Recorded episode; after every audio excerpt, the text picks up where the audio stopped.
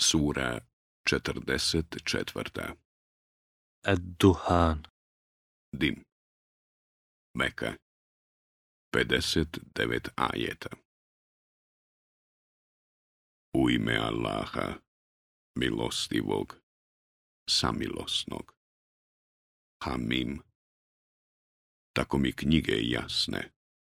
Mi smo počeli da je u blagoslovljenoj noći objavljujemo.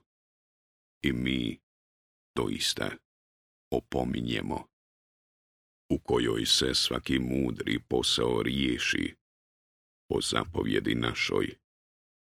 Mi smo zaista slali poslanike kao milost gospodara tvoga. On u istinu sve čuje i sve zna. Gospodara nebesa i zemlje i onoga što je između njih ako čvrsto vjerujete. Drugog Boga osim njega nema. On život i smrt daje. Gospodara vašeg i gospodara vaših predaka davnih. Ali ovi sumnjaju i zabavljaju se. Zato sačekaj dan kad će im se činiti da prema nebu vide vidljiv dim, koji će ljude prekriti ovo je neizdržljiva patnja, gospodaru naš. Otkloni patnju od nas, mi ćemo sigurno vjerovati. A kako će oni pouku primiti, a već im je došao istiniti poslanik, od koga oni glave okreću i govore, poučeni, umno poremećeni, mi ćemo patnju malo pomalo otklanjati i vi ćete se sigurno u mnogobožačku vjeru vratiti. Ali onog dana kada ih svom silom zgrabimo, zbilja ćemo ih kazniti. Još davno prije njih mi smo faraonov narodu iskušenje stavili kada im je bio došao plemeniti poslanik. Ispunite prema meni ono što ste dužni, o Allahovi robovi, jer ja sam vam poslanik pouzdani.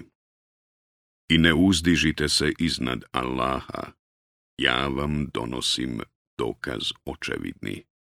I ja se utječem i svome i vašem gospodaru da me ne kamenujete. A ako mi ne vjerujete, onda me na miru ostavite i on pozva u pomoć gospodara svoga.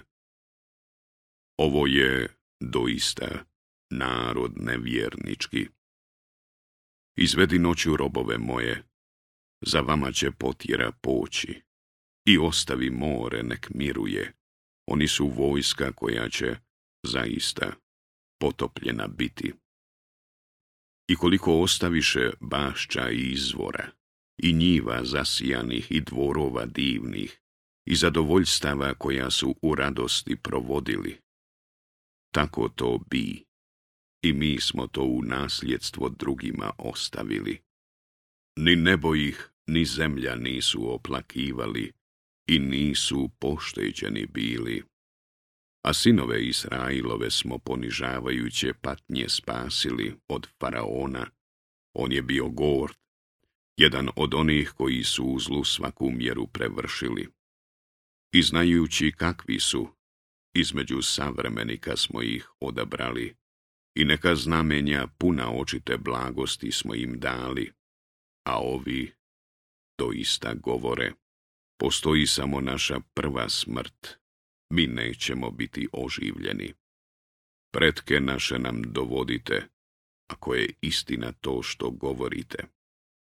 Da li su silniji oni ili narod Tuba i oni prije njega? Njih smo uništili jer su nevjernici bili. Mi nismo stvorili nebesa i zemlju i ono što je između njih da bismo se igrali. Mi smo ih stvorili sa ciljem, ali većina ovih ne zna.